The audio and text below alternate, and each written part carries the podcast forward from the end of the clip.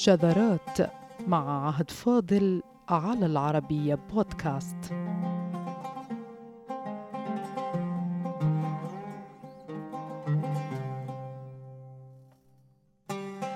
تحافظ اللغة العربية على أشكالها من فصحى ولهجات أو لغات في السودان بطريقة حق معها قول القائل إن العربية في السودان واسعة بحجم السودان نفسه وهو قول سنعود إلى قائله في مجريات هذه الحلقة الخاصة عن تجذر العربية في هذا البلد الكبير على جميع الصعد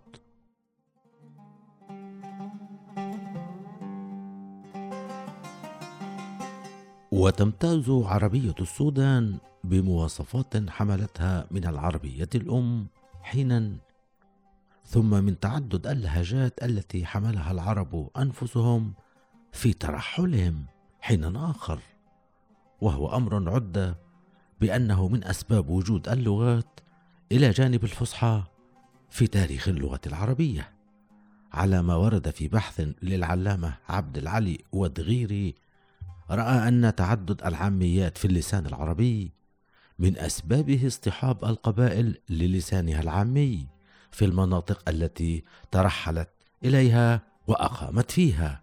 وهذا هو السبب الذي حدا بأحد أكبر باحثي تاريخ العربية في السودان للقول إن الناظر في بعض اللهجات السائدة في هذا البلد يحس بعلاقة قوية بينها وبعض قبائل الجزيرة العربية.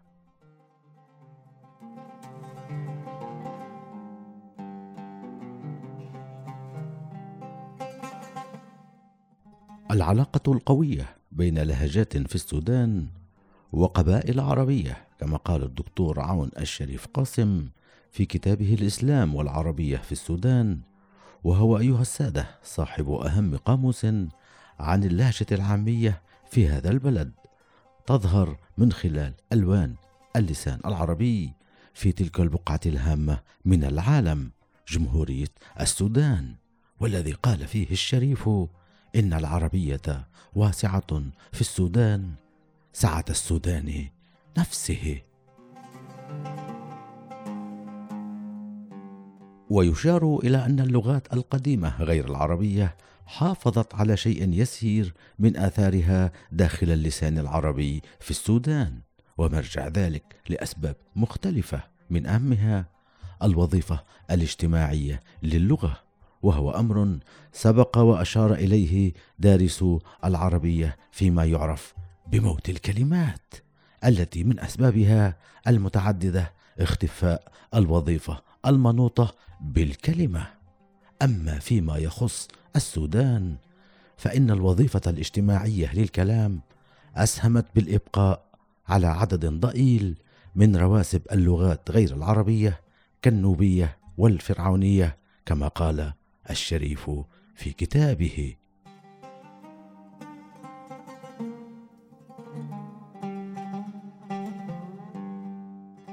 وعامية السودان بحسب الشريف احتفظت بأصول ضاعت من الفصحى كما قال فنحن نتحدث اليوم عن الانسجام بين شيئين أو عاقلين لكننا لا نستعمل أبدا الأصول البعيدة لهذا المصدر. لكن في العامية السودانية يستعمل السجم أو السجم بمعنى السواد الرماد وأصل هذا الاستعمال كما في أمهات العربية والمغرق في خصوصيته هو الشيء المتحرك أو الواقف إنما مجموعا بكليته فتقال لمطر السحابة وتقال بمعنى التوقف عن الحركة في الإبطاء. ومن هنا تقول أمهات العربية إن الساجوم نوع من الصبغ أي للتلوين أيها السادة. وهذا يؤكد القول إن في عامية السودان ما احتفظ بكلمات ضائعة أو تكاد من الفصحى.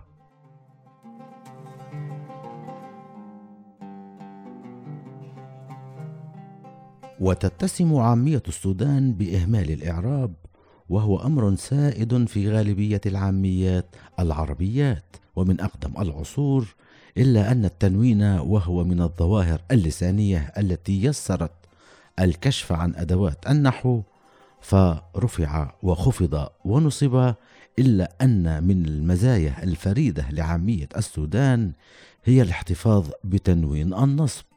كما قال الشريف كل شاة معلقة من عصباطة. ويلاحظ أنه في هذه الحالة لا يعد تنوين نصب إلا من قبيل اللحن فكل شاة كما قالها ملحونة لأن الصواب كل شاة. فلا يعرف كيف سماه المؤلف بتنوين النصب إلا إذا كان يعني وجود التنوين كتنوين فقط وهي ميزة لا تزال موجودة في لسان أهل الجزيرة العربية العامي إنما بغض النظر عن موافقتها الإعراب أم لا؟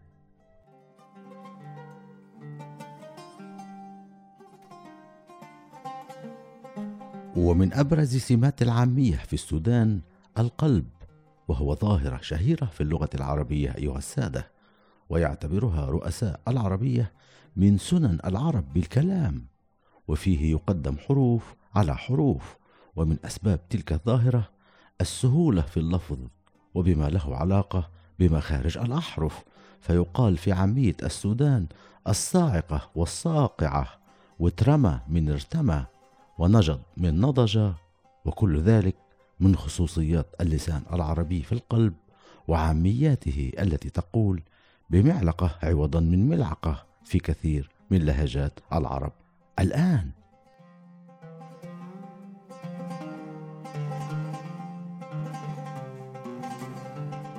ومن السمات الدالة على عمق الفصحى في السودان النحت بين كلمتين وهو سائد في اللسان العربي من قديم الفصحى فيقال في السودان ما يقال في عاميات أخرى كمعليش من ما عليك شيء وبلاش من بلا أي شيء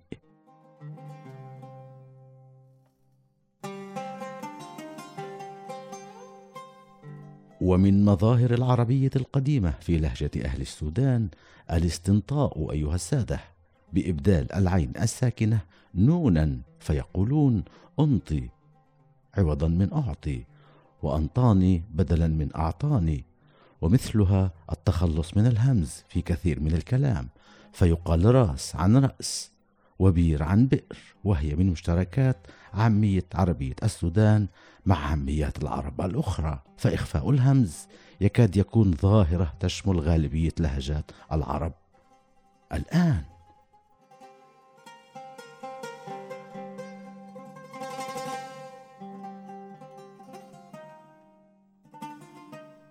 وللسان أهل السودان خاصية لفظ حرف القاف بأكثر من شكل. من أشهره لفظ ألقاف محمولا بشيء من حرف الغين وهو ما يعد من تداخل الأصول الحامية والسامية في اللغة بحسب بعض اللغويين.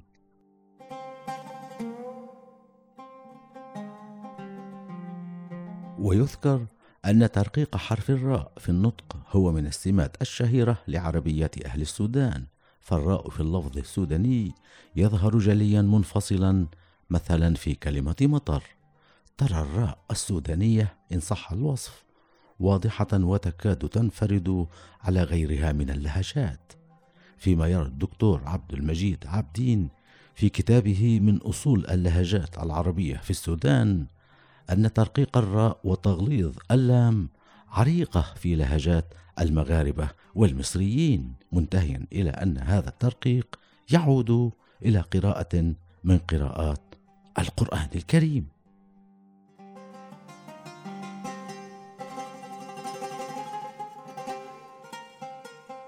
واللافت في عربية أهل السودان هو تغلبها على مختلف اللغات القديمة التي سبقت العربية بالانتشار. فبحسب عون قاسم الشريف فإن اللغات القديمة لم يعد لها من وجود في لسان أهل السودان قياسا بالعربية إلا بعدد ضئيل للغاية. والمفاجأة أن اللغات الأقدم والأقرب من السودان كالفرعونية كانت الأقل وجودا بين كلمات العربية وغير العربية في ذلك البلد.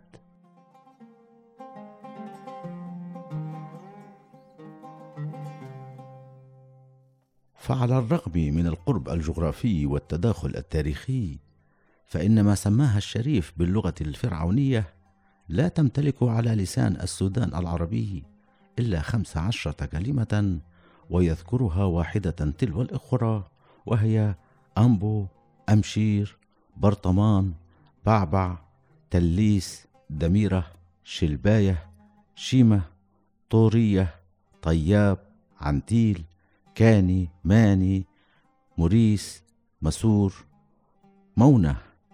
وبالتدقيق الألسني أيها السادة يمكن إزالة ثلاث كلمات عدت فرعونية فيصبح العدد الذي ذكره الشريف أقل مما هو عليه.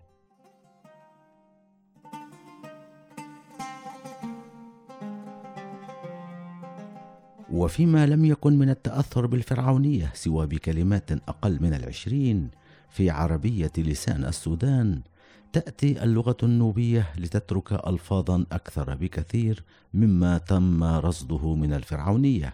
فبحسب إحصاء الشريف فإن عدد الكلمات النوبية التي لا تزال على اللسان السوداني العربي يتجاوز المئتين كأدور وأدفور وأرقو وآرو وإمكانج وبريخ ويكق وغيرها.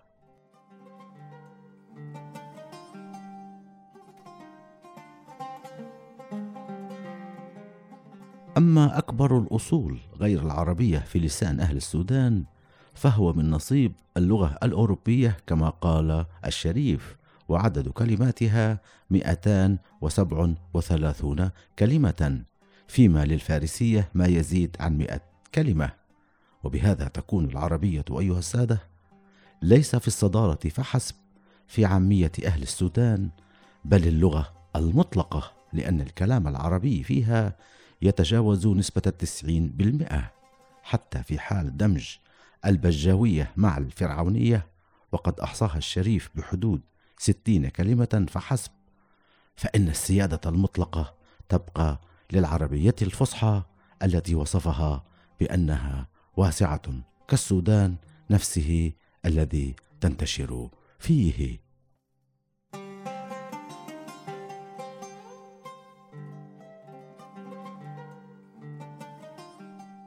وكتاب الشريف عن عامية السودان العربية لم يكن الأول أيها السادة. وإن كان الأوسع والأكثر تفصيلا من غيره فقد سبق وألف قاموس عن عامية أهل السودان في أوائل القرن العشرين كتبه ضابط في الجيش الملكي المصري باللغتين العربية والإنجليزية وجمع عددا لا بأس به من عاميات أهل السودان ومكاتبات الحكومة الرسمية ووصفها بأنها مستقلة بذاتها عن عاميات العرب الأخرى كما قال وبأنها مستقلة عن باقي اللهجات العربيات. وقال إنه وضع هذا القاموس لتسهيل عمل الضباط الأجانب الذين يعملون في خدمة الحكومة السودانية في ذلك الوقت بطبيعة الحال وسماه دليل الحيران إلى لغة عرب السودان.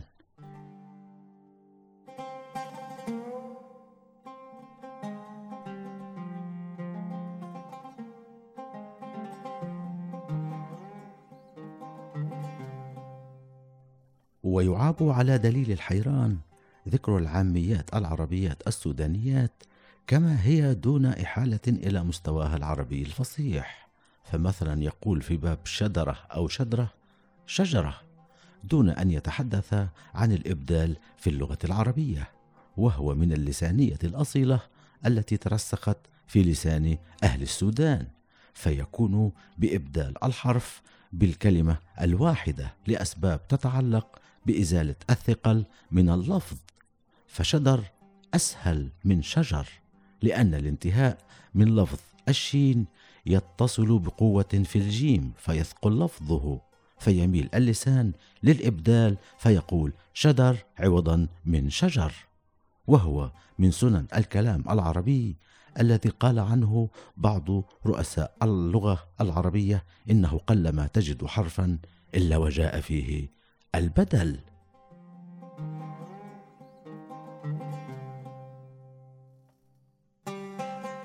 أما قاموس اللهجة العامية في السودان للعلامة عون الشريف قاسم فقد سد كل الثغرات التي وردت في القاموس الذي سبقه بعقود.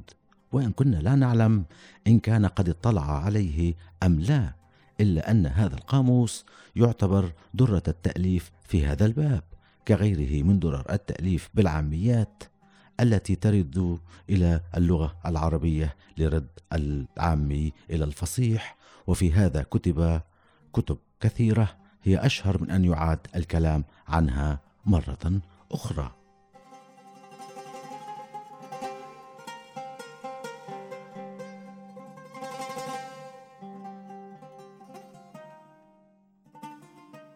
فمثلا في عبارة عامية سودانية يقال بمعنى قربت الليلة حاتم وهي وإن كانت غير مستعملة في هذا السياق في عاميات عربيات فإنها أصلا من الإلزام أيها السادة الذي في الأصل الفصيح جاءت منه الكلمة في الجملة المقتبسة من تحتم الشيء بمعنى صار لازما أي كما لو أنه يقول إن الليلة قربت حتما.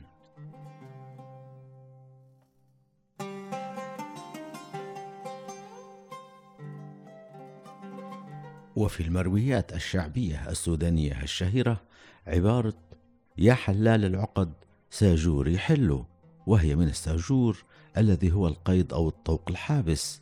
وتقول أمهات العربية إن الساجور هو طوق من حديد أو قلادة تحبس فيها العنق فيقال بمعنى شده أو ربطه أو قيده. ولهذا قيل في العربية ابعث لي فلانا مسوجرا أي مقيدا. وبالتالي المروية السودانية الشهيرة يا حلال العقد ساجور يحل هي من صميم الفصاحة.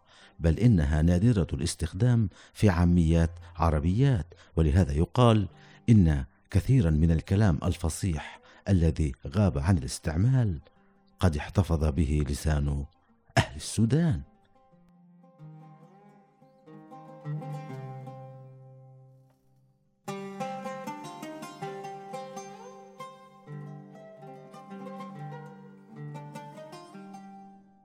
وليس باستعمال العامية السودانية تعني لصق الشيء بالشيء ومثلها في العامية السورية مثلا يستعمل التلييس بالمعنى نفسه لكلمة تمحير في العامية المصرية وهي لصق مادة على الجدران لمنحه نعومة وتغطية ما برز منه من شقوق وحفر والأصل في التلييس الشدة والصلابة.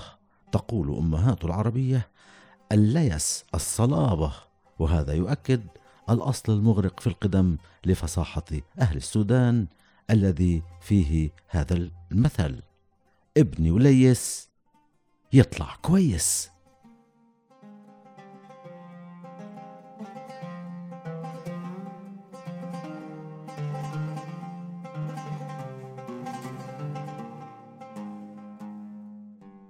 وتجتمع في عامية السودان أخيرا أيها السادة غالبية ظواهر العاميات العربيات الأخرى كإبدال الحروف سعل في سأل وفقأ في فقع وبكان عوضا من مكان وكذلك تشترك في القلب كجواز عوضا من زواج وتشترك في الحذف كود أو واد بدلا من ولد ومثلها في الزيادة فيقال سقرط عوضا من صقر وغيرها من ظواهر العاميات في أصقاع اللسان العربي الواسعة إلا أنه وبحسب قاموس العامية السودانية فإن الفصحى هي أصل أي تحوير وقع في العامي ولا يحتاج من أي دارس سوى لرد إلى أصله الفصيح. والسلام عليكم